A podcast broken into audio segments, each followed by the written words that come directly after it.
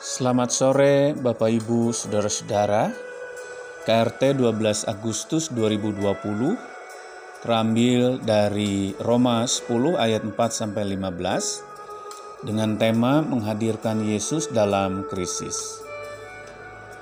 Menurut Kamus Besar Bahasa Indonesia, kata krisis berarti keadaan yang berbahaya, keadaan yang genting, suram, dan penuh kemelut. Ini bisa dalam bentuk krisis sakit penyakit, krisis ekonomi, krisis moral, bahkan krisis kepercayaan dan iman. Keterangan di atas menegaskan bahwa krisis itu tidak pernah mudah. Karena itu, jika kita mengalami krisis, maka bisa dipastikan kita butuh topangan atau pertolongan. Sebagai orang percaya, tentu kita meyakini bahwa penolong dan penopang kita adalah Yesus. Hanya Dia yang mampu menguatkan kita menghadapi dan melewati berbagai krisis kehidupan, apa pun itu. Sebab Yesus adalah sahabat kita dalam krisis. Hal ini tidak bisa kita bantah atau ragukan. Sama seperti keyakinan Paulus bahwa hanya Yesus yang mampu menyelamatkan. Karena itu, dalam surat Roma ini, Paulus secara rinci memberikan rangkuman tentang Injil Yesus Kristus. Paulus bahkan dengan berani menyatakan bahwa Injil adalah kekuatan Allah yang menyelamatkan setiap orang percaya.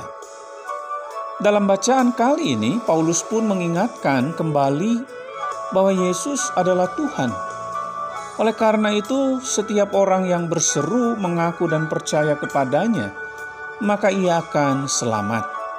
Selamat karena dibenarkan dan beriman kepada Yesus, dan bukan karena hukum Taurat.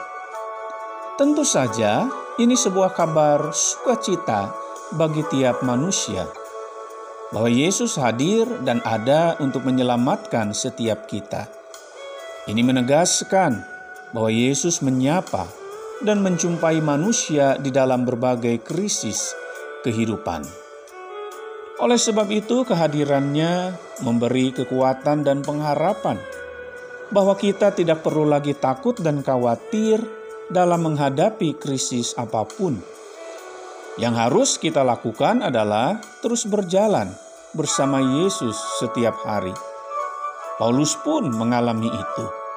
Ketika ia mengalami krisis dalam hidupnya, ia merasakan topangan dan kekuatan Tuhan.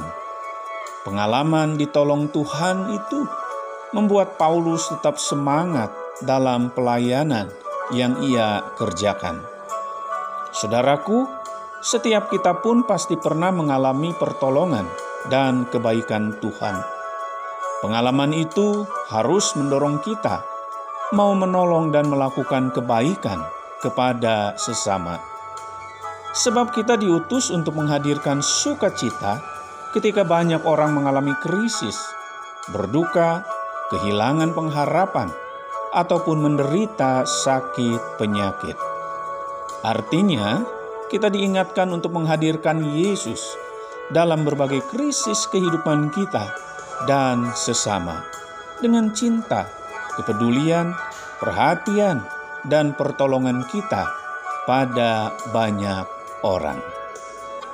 Saudaraku, mari jalani hidup dengan iman dan ingatlah senantiasa dalam setiap krisis apa pun ada Tuhan.